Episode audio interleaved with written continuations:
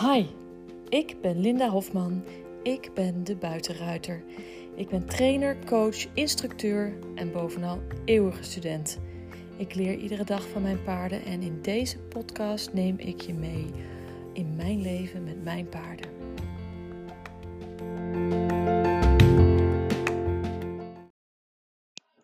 Goedemorgen. Vanmorgen is het zaterdag.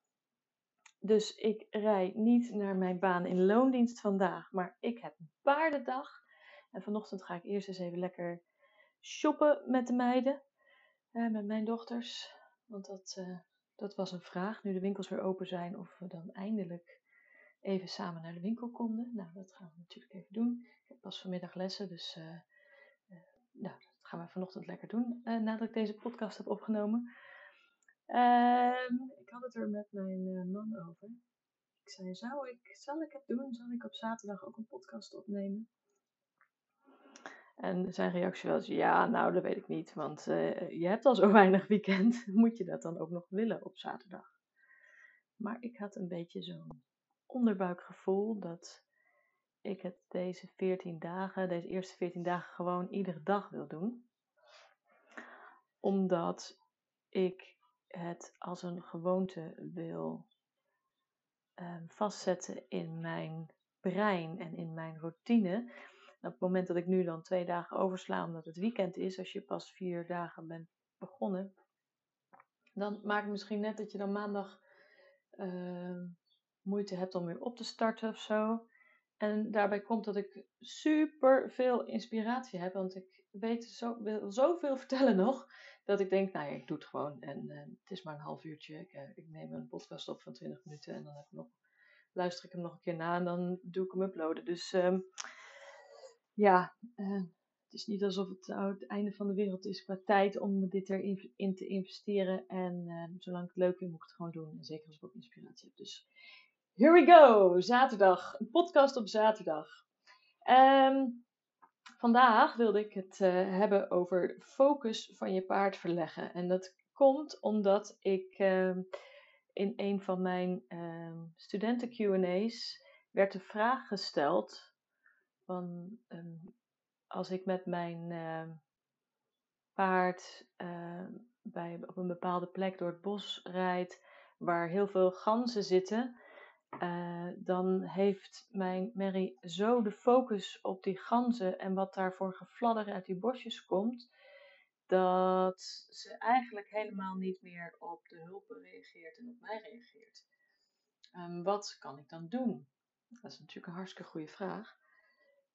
Um, we kennen het allemaal wel, dat je met een paard wandelt en je paard opeens um, in de verte gaat staan kijken als je ernaast staat.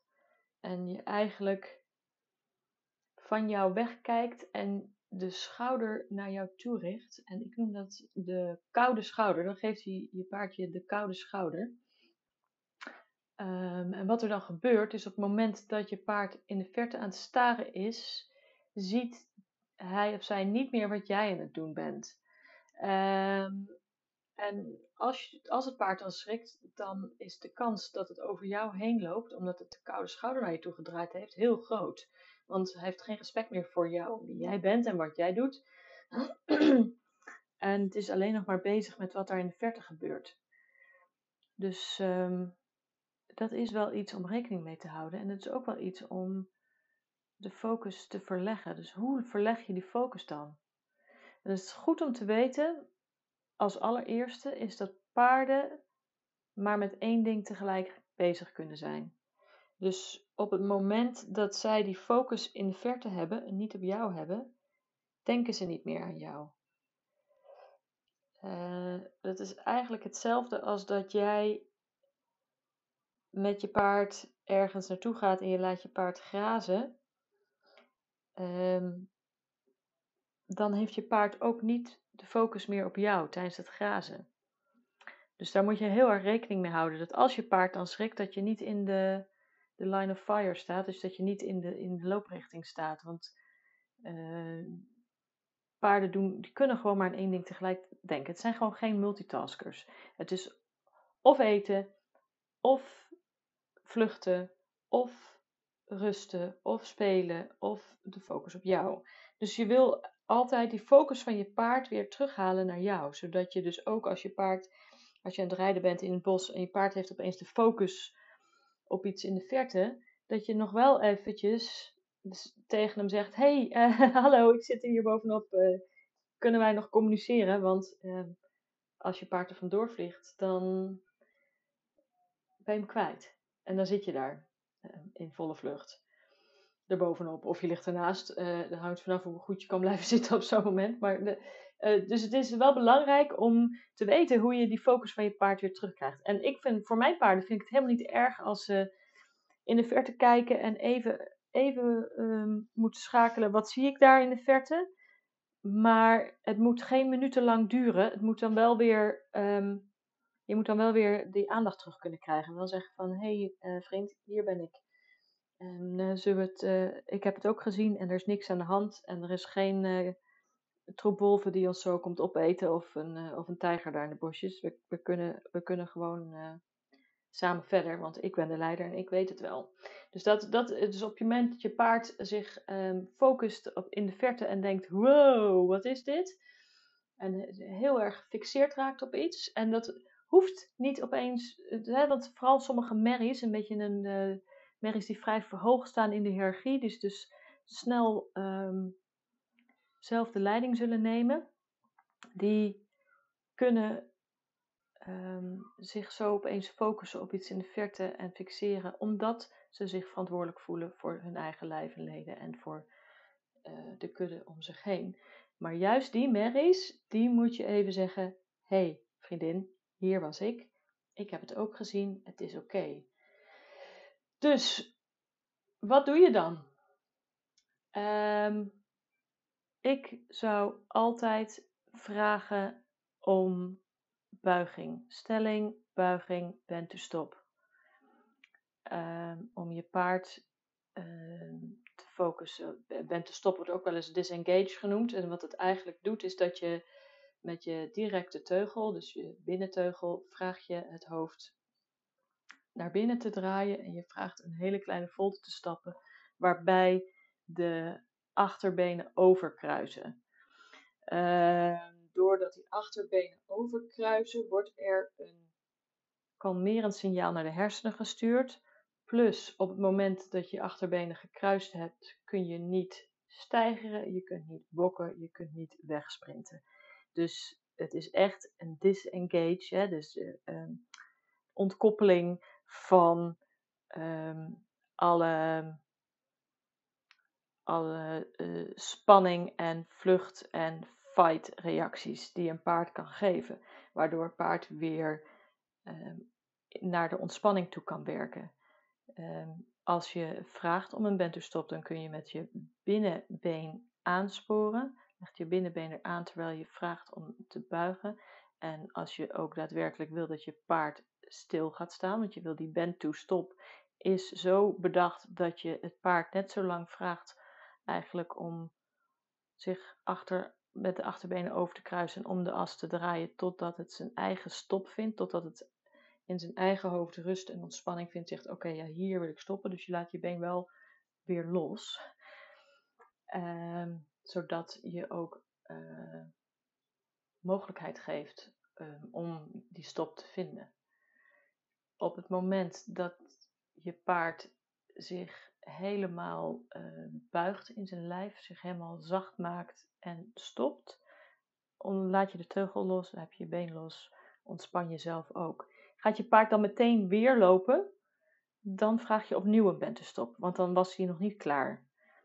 Uh, dus blijf die bentustop vragen totdat je paard uit zichzelf stil blijft staan en zacht is in, zachte buiging heeft door zijn hele lijf. En jij moet dan wel zo snel mogelijk een release geven, dus door die teugel los te laten. En het been had je al losgelaten. En dan, um, als je paard niet wil stoppen, wat ik heb gemerkt, is dat het dan kan zijn dat jij niet helemaal boven de massa zit. Door die kleine volte die je maakt, dat jij een beetje scheef gaat zitten. Dus het is heel belangrijk dat je dan zelf, als je denkt, mijn paard stopt niet en we zijn al tien rondjes gedraaid en ik word ook een beetje duizelig, dat je dan even rechtop gaat zitten. Het kan best zijn dat jij je paard belemmert uh, in jouw houding. Dus daar, daar kun je op letten. Uh, dus in die bent stop, dan vraag je echt zijn eigen stop te vinden of haar eigen stop te vinden. En op het moment dat ze dan stoppen, ontspannen ze zich in de lijf, ontspannen ze zich in hun buiging in de nek. En jij laat meteen de teugel los en uh, echt los los, niet een beetje los, helemaal los. En je paard zou dan ook gewoon moeten blijven staan. Doet je dat niet, doe je het nog een keer. En als je denkt, ik, we zijn nu helemaal één kant op gedraaid, dan word ik een beetje duizelig van, dan draai je een keer de andere kant op. Dat kun je gewoon afwisselen natuurlijk. ja, dan moet je even je eigen modus in vinden. Maar eh, ik vind wel goed dat het paard beide kanten op goed kan buigen. Uh, maar het moet niet zo zijn dat je je helemaal vastpint op. Uh, ja, we hebben nu drie rondjes die kant, nu moeten we ook drie rondjes die kant opnemen. Want als, als je linksom drie rondjes hebt gedaan en hij gaat dan weer lopen als je stilstaat, dan en je draait dan rechtsom en hij staat met een halve ronde stil, dan is dat helemaal goed en dan moet je dat zo laten. Dus je moet niet je dan vastpinnen op, we moeten net zoveel keren de ene kant op, anders de andere kant op draaien. Dat doe je maar als je in de bak aan het rijden bent en je dressuurmatig bezig bent, maar niet in die bent to stop. Want die bent to stop is eigenlijk een beetje een, een noodstop. Een noodstop om je paard echt weer terug te brengen naar zijn eigen ontspanning. Um, en het mooie van die bent to stop is dat je je focus weer krijgt. En dat je uh, het paard op een vriendelijke manier zegt: Oh, dit is helemaal niet waar ik naartoe wil. Zou dit niet beter en fijner en ontspannender zijn? Dus je vraagt die bent to stop eigenlijk. Uh, je, je gebruikt het als een, uh, nou ja, heel grof gezegd, als een straf. Maar het is geen straf voor het paard om zich te kunnen ontspannen. Het is voor het paard fijner om zich te kunnen ontspannen en zich over te geven aan jouw leiding, want dat geeft het paard rust. Dan hoeft hij zelf niet bezig te zijn. daar hoeft hij zich dan niet, uh, niet op alles te focussen. En dan kan hij lekker als dat baby-olifantje aan zijn moeder staart achter je aanhobbelen of um, met je meerijden en denken: Oh, kijk, mijn ruiter focust zich en ik hoef niet op te letten. En ik kan lekker een beetje um, op mijn ruiter letten. Als, als die alles goed vindt, vind ik ook alles goed. Dus uh, maak je daar vooral niet uh, te druk over. Um, dus dat is de manier. Ontspan. Vraag terug naar die ontspanning te komen als je paard focus heeft op iets in de verte. En je, ik heb niet zo dat als je iedere keer als je paard ergens in de verte kijkt, dat je meteen bent stoppen, moet, dat kan niet, dat mag niet. Nee, kijk, um, tel tot 10, tel tot 20. Voel wanneer, um, wat de grens is voor jezelf. Hè. Sommige paarden die kijken even en na een paar seconden dan um, zijn ze er weer. Dus je moet daar even zelf een balans in, in, in, in vinden. Maar wees er wel beducht op dat minutenlang ergens op focussen is niet oké. En het geldt ook voor als je met je paard aan, aan het wandelen bent. Ik zie een heleboel mensen die met een paard wandelen.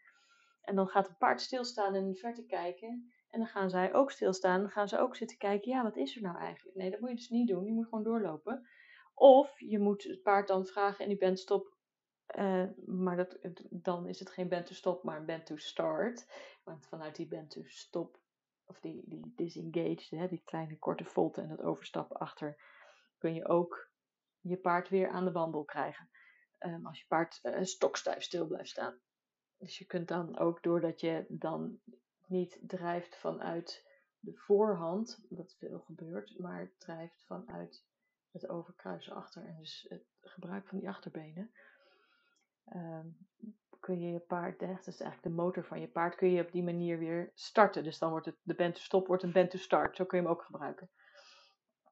Um, wat wel belangrijk is op het moment dat dat gebeurt, is dat als jij wandelt met je paard en je paard blijft stokstijf stilstaan en die lijn spant zich, die leidlijn, pardon, dan um, is het belangrijk dat jij spanning op die lijn houdt terwijl je met een boog om je paard heen loopt en hem die bend to start dan in dit geval gaat vragen.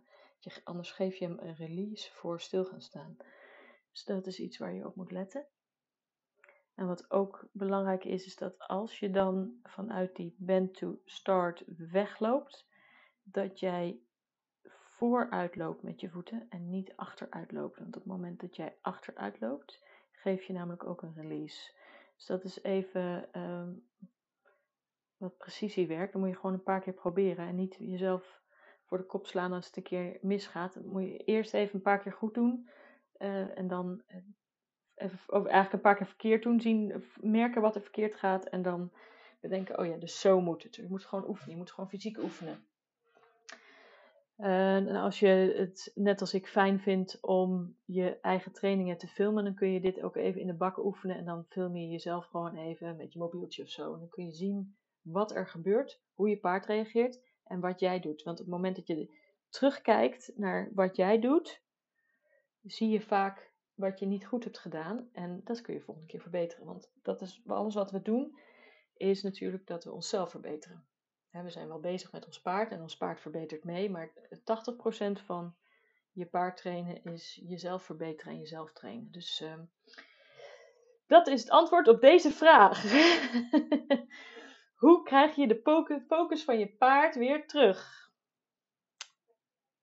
Um, en terwijl je dat doet, dus empty je ook meteen de Worry Cup. Daar heb ik ook wel eens in de masterclasses over gehad. Hè. Paarden hebben een Worry Cup. Die hebben een, een klein, sommige een klein en sommige een wat groter kopje waar ze al hun zorgen in, in gieten. En uh, door een bent to stop te doen, giet je dat kopje steeds leeg. En kan dat kopje niet overstromen of minder snel overstromen. En als die overstroomt, kun je zeggen: Oh, die is zo overstroomd, laten we hem nu weer even leeg. En dan kun je weer op een redelijk rustige noot verder gaan.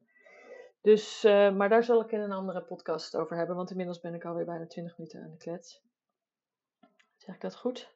Nee, 16 minuten. Nou ja, uh, ja, ik moet even kijken, want ik zit niet in de auto vandaag, dus heb ik niet mijn um, afgepaste tijd waarop ik uh, van A naar B rijd en weet van oké, en als ik dan hier ben, dan moet ik een beetje gaan afronden. Dus nu moet ik even een timer bijhouden vandaag. maar goed, ik ben inmiddels uh, uh, 17 minuten aan het praten, dus eh, ik denk dat ik gezegd heb wat ik wilde zeggen.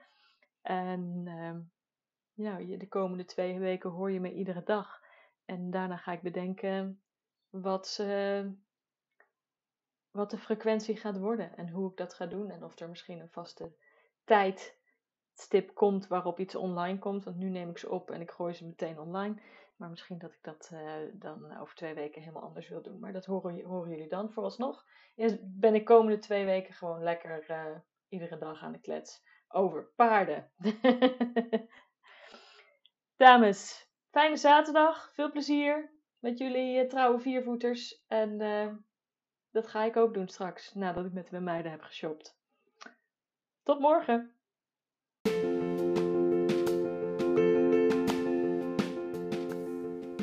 Hey, wat leuk dat je geluisterd hebt naar deze podcast. Wil je mij een plezier doen en een review achterlaten op een van de kanalen waar je deze podcast hebt geluisterd? Dat zou mij enorm helpen.